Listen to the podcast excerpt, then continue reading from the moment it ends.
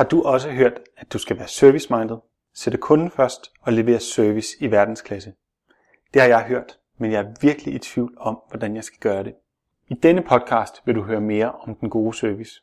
Konkrete eksempler på, hvordan du kan give relevant service, fantastiske eksempler på service, og hvordan det kan være, at du bliver gladere i dit arbejde, når du leverer og får god service. Velkommen til Grifer Podcast om alt det, der giver dig god arbejdsløst.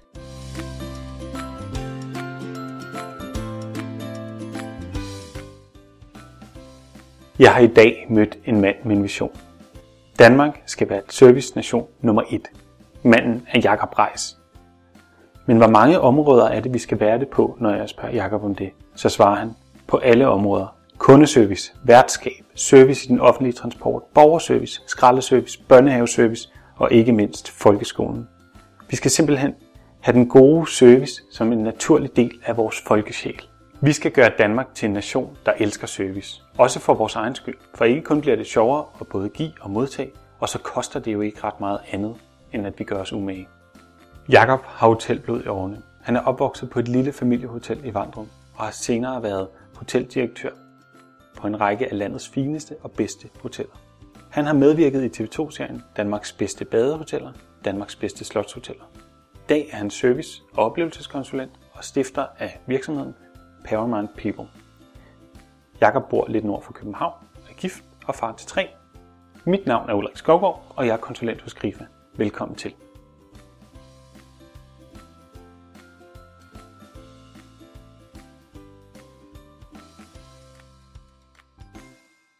Jeg hedder Jakob Reis. Jeg er 38 år gammel. Jeg laver foredrag, og så laver jeg konsulentvirksomhed med den primære opgave at hjælpe virksomheder, butikker og forretninger med at få et øh, bedre syn på, hvordan de skal behandle deres kunder. Herunder også, hvordan de skal behandle deres medarbejdere, fordi jeg tror nemlig på, at de vigtigste mennesker i en virksomhed, det er medarbejderne, fordi der er ikke ret mange andre til at tage sig af kunderne. Og øh, sådan lidt groft sagt kan man sige, at hvis, øh, hvis en virksomhed ikke øh, indser, at det er vigtigt at tage sig godt af sine medarbejdere, for derigennem, at de tager sig godt af deres kunder, så er der helt sikkert nogle andre, der tager sig af kunderne. Service, hvad er det for en størrelse? Jamen, service er jo øh, service er mange størrelser, ikke? Øh, det er stort og småt, og det er tykt og det er tyndt. På mange, på mange punkter synes jeg, at begrebet service er blevet udvandet rigtig meget, fordi at man bruger det i så mange forskellige betegnelser. Så på en side kan man sige, at det er ikke ret mange ting. På den anden side, så er det også alt. Og når jeg siger, som jeg gør, så er det fordi, at der findes jo ikke virksomheder, der ikke er servicevirksomheder. Alle virksomheder og alle virksomhedens medarbejdere har med service at gøre i dagligdagen. De tænker bare ikke over det.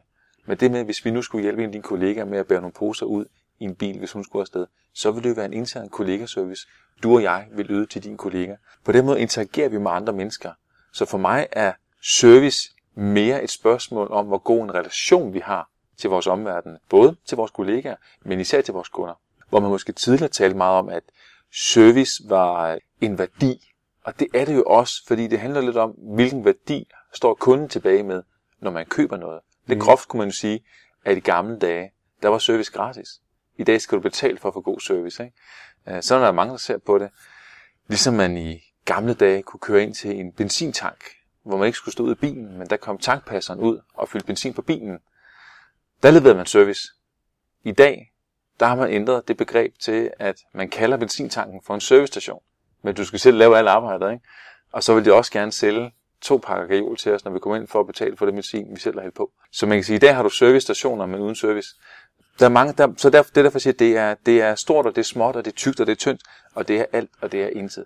Øhm, så begrebet service, det handler om, hvad folk de føler for det. Jeg plejer lidt sådan at sige, at, at service er jo et inside job, der skal komme indenfra, og som selvfølgelig handler om at røre andres menneskers følelser. Så for at gå tilbage til billedet med benzintank. Dengang var service gratis, og i dag siger du, at man betaler for det. Og grund til, at jeg siger det, jeg oplever mange steder, når nu vi taler om, hvad skal der til for at give en bedre service. Der er en del, der siger, jamen de synes, vi skal have noget mere løn for at gøre det. Spørg dem, hvorfor dog det? Fordi i princippet er service jo gratis at give. Det, det koster jo ikke noget for en medarbejder. En medarbejder skal jo ikke betale ekstra til sin arbejdsgiver eller sine kunder for at tage et stort øh, begejstret smil på og give det videre til kunden. Men det er der nogen, der mener, at man skal tage sig betalt for. Det er jeg lidt uenig i. Fordi jeg mener, at service er en glæde at give andre. Jeg synes, service handler om at give noget af dig selv, som folk ikke kan købe på apoteket.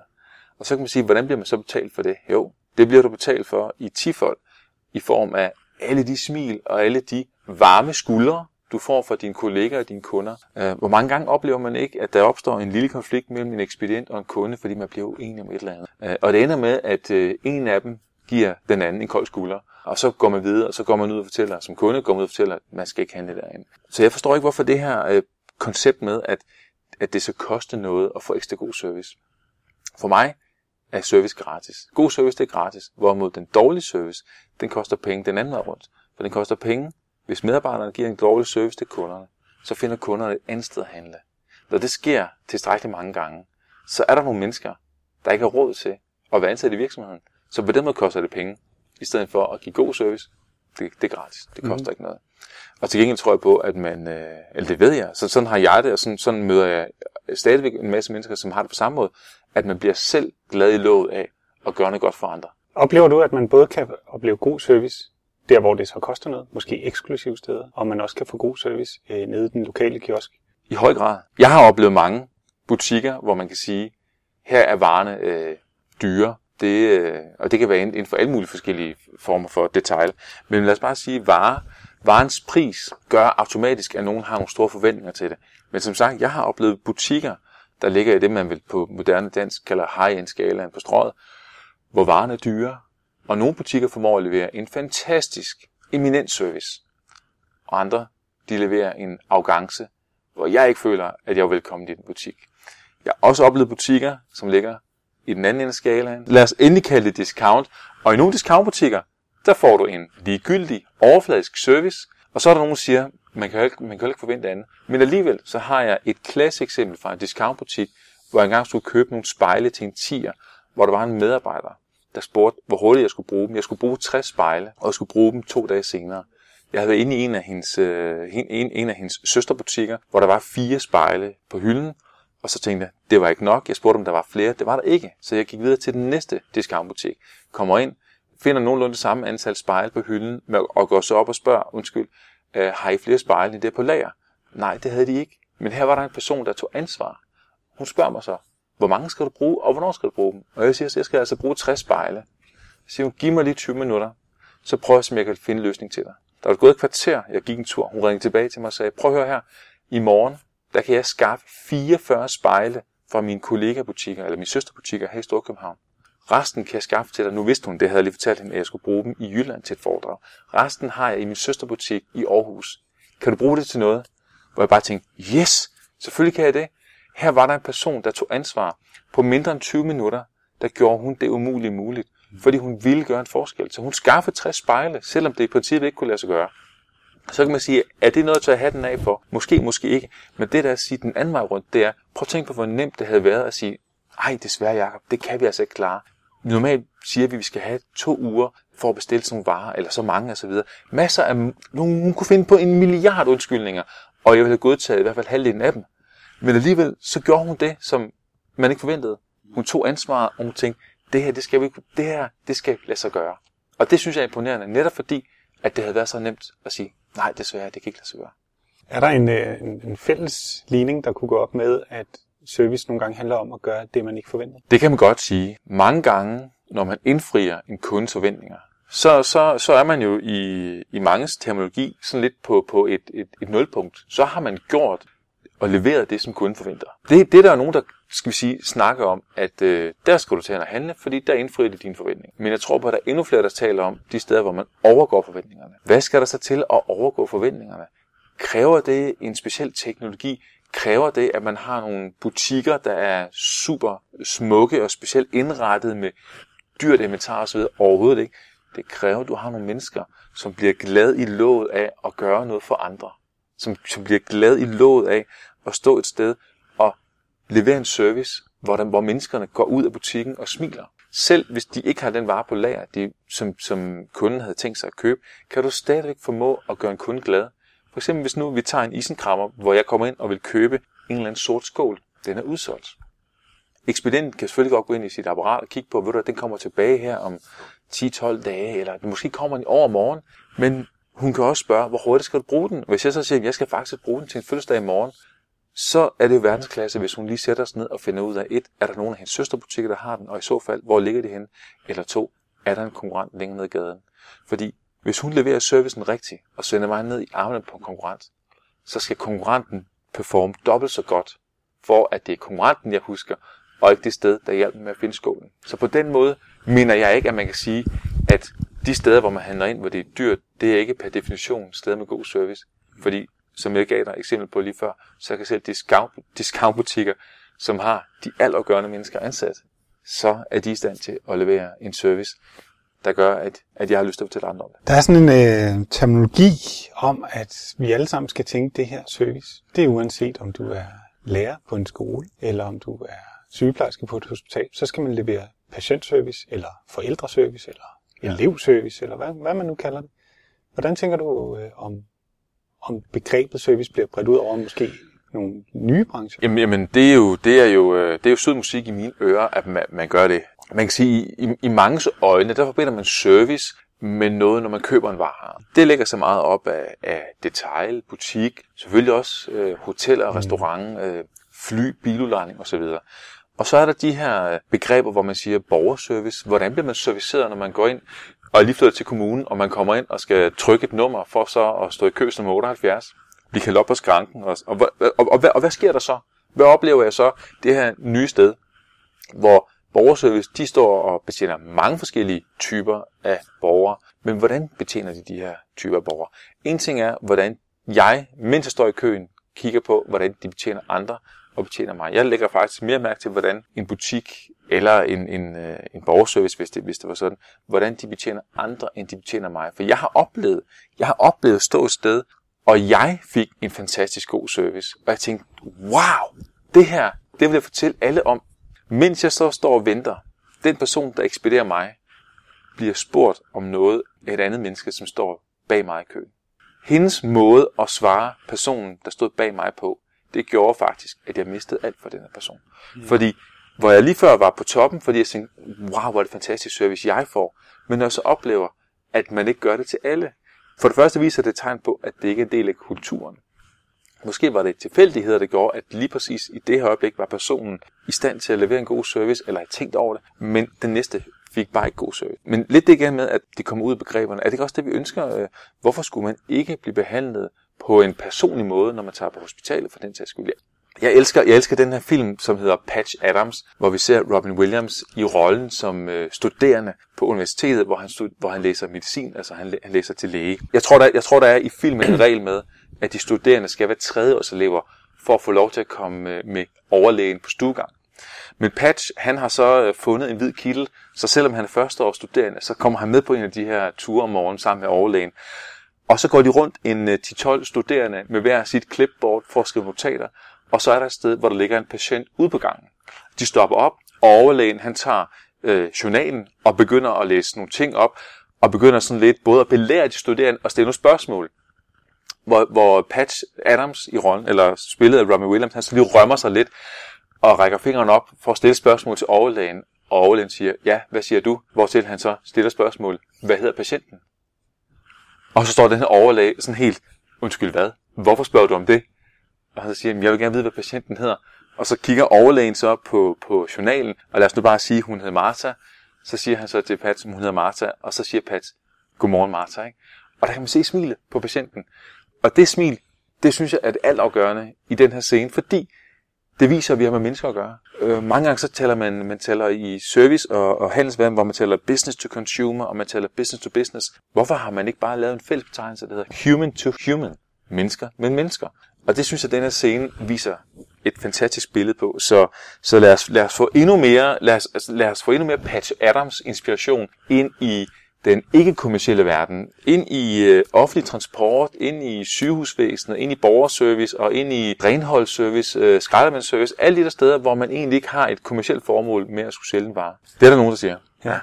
Hvis øh, du skulle prøve, og nu har du snakket meget om det her med detail eller øh, restauranter.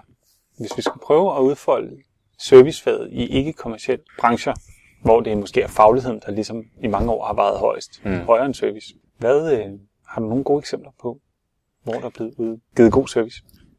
Øh, den, der lige først falder mig ind, det er Slagelse Bibliotek.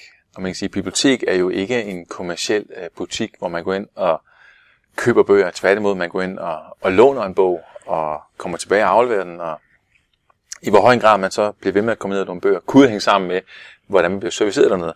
Og der har, der har jeg et lille sjov øh, eksempel. Øh, en, en af mine bekendte var dernede en dag, hvor han så øh, stod op ved skranken og ventede på at blive serviceret. Og jeg synes, det gik det lang tid. Og ved siden af ham, der stod der en ældre dame, som, som han så sådan naturligt stod sådan og, og fik øjekontakt med, og de begyndte sådan at, at nikke lidt til hinanden. Hvor den her ældre dame, hun så siger, nej, nu må der altså snart ske noget. Jeg er 94 år gammel. Jeg har da ikke tid til at stå her og vente på at blive serviceret. øh, og, min, og min ven, han, han var sådan lidt, øh, han synes både, det var tragikomisk, og også lidt sjovt og lidt frisk af sådan en 94-årig dame, der siger, det har hun altså ikke tid til. Øh, og efterfølgende, så, så gjorde han personale opmærksom på, at det var lidt synd for den her dame, at hun stod og ventede så længe. Og, øh, og så, så, så, så opstod der så ligesom en dialog mellem, mellem ham og personale, hvor de så startede en proces på at kigge på, hvordan kunne man så gøre tingene anderledes? Hvordan kunne man så begynde at tage sine brugere, som jo ikke er kunder, med brugerne, borgerne, seriøst på en langt større måde. Og, øh, og der ved jeg, at Slagelse Bibliotek har været på en rejse med sig selv, hvor de har drøftet de her ting internt. Og, øh, og det er en af grundene til, at når man i dag tager på Slagelse Bibliotek, så bliver man faktisk ikke mødt af en faglig, højprofileret bibliotekar, man bliver mødt af en glad og smilende vært, som måske har en eller anden uddannelse, der gør, at man litterært er i stand til at være ekspert i en masse med bøger og numre osv. Men den service, man får dernede, det er efter værtskabens øh, bedste intentioner. Vi skal tænke meget mere værtskab i vores service. Hvad, hvad handler det om? For mig handler værtskab om, at det er, det er lidt igen med det her med roller, at det er en rolle, vi påtager os. Vi kan vælge at være gode værter, eller vi kan være at være ligegyldige værter. Men, men netop fordi servicebegrebet er så udvandet mange steder, så tror jeg, at man i nogle fag kommer længere ved at tænke værtskab frem for service. Fordi service bliver mange steder en proces, øh, hvor værtskab mere en livsstil. Øh, måden kunderne kigger på os, vil altid være gennem services, servicens øjne eller servicens briller, fordi at når man som kunde har været nede i butikken, man kommer hjem til sin, til sin familie, kan man blive spurgt om, nå, fik du så en god service dernede i dag? Man bliver sjældent spurgt om, nå, hvordan var værtskabet så nede i butikken i dag? Så derfor siger service, det er sådan, som kunderne kigger på os på, men den måde, vi skal identificere os selv for at levere en god service, det kan være igennem at tænke den her værtskabsrollemodel, hvor man så igen handler om at sige, er man en god vært, er man en dygtig vært, er man en effektiv vært, er man en smilende vært, er man en hjertelig vært. Altså der er mange måder der, men, men det er bare sådan ligesom for at tage et begreb, som vi måske har nemmere ved at forholde os til, fordi det ligger lidt mere naturligt til vores, vores, øh, vores måde at være mennesker på. Vi er jo sindssygt gode værter, når vi er hjemme i vores egne stuer. Når, hvis jeg inviterer dig hjem i min stue til en middag lørdag aften, øh, så vil jeg jo gøre alt for, at du er glad, og du tænker, wow, det var da en fed oplevelse. Det er sådan lidt det, som en, øh, en meget kendt dansker, der hedder Claus Møller, han i 80'erne kaldte for lørdag aftenhjernen. Vi er i stand til at slå lørdag aftenhjernen til. Men når vi så går på arbejde om mandagen, så har vi slået arbejdshjernen til og lørdag aftenhjernen fra. Øh, så et, et af Claus Møllers øh, begreber dengang, det var jo, prøv lige at forestille dig, hvis vi nu alle sammen havde lørdag aften hjerneslået til syv dage om ugen, øh, hvor glade vil vores kunder så ikke blive for os, og hvor meget gladere mennesker vil vi så ikke også blive for hinanden. Så det kunne, det kunne svare sådan lidt den vej igen. Mm. Er der så ikke et misforhold, i hvert fald i Danmark, hvor at man nogle gange sætter studentermedhjælperen til at være receptionist eller tjener, eller at det ikke er passionen, der driver deres service. Det er måske et studiejob, så de kan få lidt ekstra tun til deres aftensmad. Ja. Jeg tror på, at, øh, at det der det er en rejse. vores, vores verden er indrettet sådan, eller vores land er indrettet sådan, at de fleste studerende øh, har et studiejob, og er nødt til at have et studiejob, fordi det kan være, det kan være svært at leve, det kan være dyrt at leve, mens, mens man studerer, specielt i et større byer. Så man kan sige, de er nødt til at gå ud og finde et arbejde. Hvis de nu er så heldige at komme ind i en virksomhed, hvor man selvom man kun er studiemedarbejder eller studentermedhjælper, får lov til at have med kunder at gøre, og man giver de her mennesker de rigtige værktøjer, man klæder dem på til opgaven, man fortæller dem om, hvor vigtigt det er for firmaet at levere god service, men man fortæller dem også, hvor fedt det er at få lov til at gøre en, andre, en masse andre mennesker glade i låget.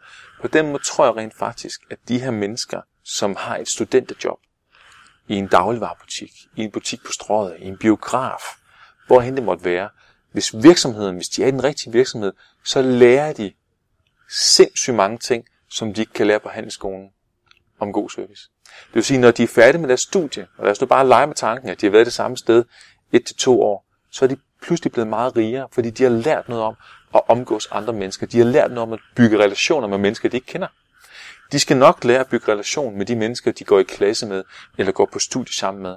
Men det at stå i en butik og lære at danne relation til de her kunder, som bare kommer ind fra gaden, det er de ikke prøvet før.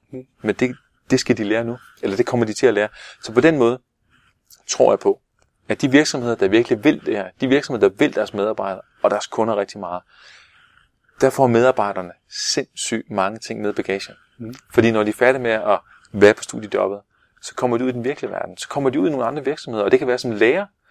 Jeg har mødtes, jeg har, jeg har mødtes med en fantastisk ung mand, der hedder Rasmus. Han er 21 år gammel. Mm.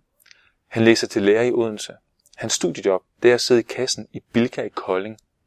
Han bruger godt og vel tre timer på en dag, når han er i Bilka i Kolding, for at tage en tre, undskyld, tre timers transporttid sammenlagt på at sidde på en 10 timers vagt. Hvorfor tager Rasmus ikke ned til Bilka i Odense for et job, så han ikke skal bruge transporttiden? Det gør han ikke, fordi han synes, det at sidde i kassen i Kolding hos Bilka, det er fantastisk. Han elsker det miljø.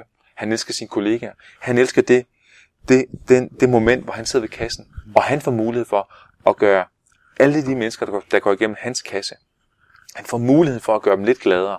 Og han gør det. Det er ikke alle, der tager imod det.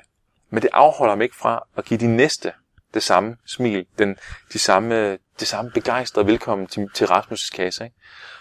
Og han lægger i skjul på, at når han er færdig med en 10 timers vagt, så er han træt på en god måde. Han er træt, fordi han har siddet 10 timer ved kassen. Det er ikke a walk in the park, men han er glad, fordi han har fået lov til at give en masse af sig selv, og han har fået det hele 10 for igen. Mm. Det er arbejdsglæde for ham. Man kan godt mistænke servicefag for at være en lille smule øh, lav på prestige. Mm. At der ikke er den samme prestige i at, at levere god service, som at, så er der ikke så meget prestige i at levere god service. At Nej. det er noget, man godt kan udlicitere til andre. Det giver dig ret i.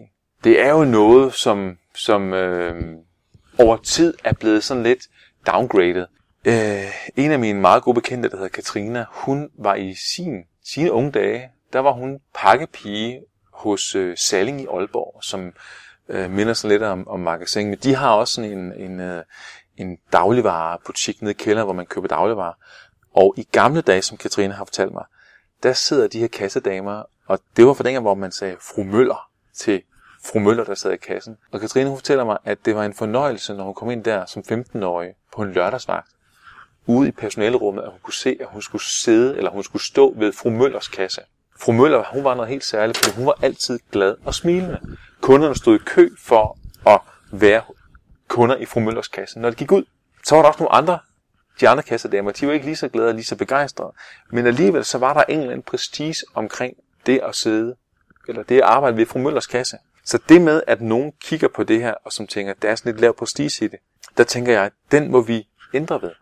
Fordi for mig er der ikke noget lav prestige i at sidde i kassen. Tværtimod, tværtimod kan en medarbejder i Netto eller Fakta, som er smilende og som er begejstret, gør et langt større impact på mig, end en eller anden tilfældig bilsælger, der står og sælger Mercedes-Benz. Og hvorfor siger jeg så det? Jo, det gør jeg, fordi at jeg kan mærke, sådan har jeg det, jeg kan mærke på folk, om de mener det, de gør, og de mener det, de siger. Og det har ikke noget at gøre med, om man sidder i Netto eller ej, eller man sidder i en dagligvarerbutik, hvor man sidder i kassen. Det har noget at gøre med, hvordan, hvad, hvad, hvad gør du det selv til? Jeg plejer at sige, at det handler om, i hvor høj grad du selv vil gøre et ordinært arbejde til et ekstraordinært arbejde. Betaler det sig? Kan det betale sig at gøre sig umage? Ja, det kan det. Fordi ikke nok med, at du bliver selv gladere i låget efter en vagt, hvor du har været begejstret, du har smilet til dine kunder og til dine kollegaer. Men det gør også, at du lærer meget mere om dig selv. Du er på en rejse, hvor du ikke står stille. Hvis du bare sidder ved kassen og tænker, det her det er jo bare et arbejde. Jeg glæder mig til det overstået. Så er der ikke ret mange sekunders udvikling i det, du gør. Men hvis du derimod tænker, det her arbejde, det er muligt, det er ordinært i nogens øjne, men nu har jeg tænkt mig at gøre noget ved det, og udføre arbejdet på en ekstraordinær måde. Derigennem flytter vi fokus fra, at nogen tænker, at det der det er lavt på prestige og sidde i en kasse i en dagligvarer, til at det rent faktisk er noget, flere og flere vil have sindssygt stor respekt. Langt højere end at tage ud og møde en smart bilsælger, der prøver på at sælge en dyr bil til os. Så hvis man sidder derude og lytter med nu og tænker, jeg har måske øh, sat mig ind i den situation, hvor at mine 10 timers vagter i Bilka, eller hvor det nu er, egentlig bare skal overstås. Så fortæller du nu, at man bliver gladere af mm. måske at tænke, hvordan kan jeg gøre mine medmennesker omkring mig glade? Præcis. Jeg bliver klogere på mig selv. Men hvordan er det, man kan kickstarte den her passion? Jamen, der findes mange måder at kickstarte det på. Altså, øh, lidt igen, som vi siger, service er alt, og alligevel er det ingenting, og alligevel er det alt. Der findes jo ikke nogen manual på, hvordan man lige skal kickstarte den. Jeg tror på, at man skal finde, man skal finde inspirationen i andre mennesker. Det er der ikke nogen tvivl om. For det første tror jeg ikke så meget på, at, øh, at man som medarbejder, uanset hvor man er henad, skal, skal gå, gå så meget op i det med, om man har en chef, der motiverer.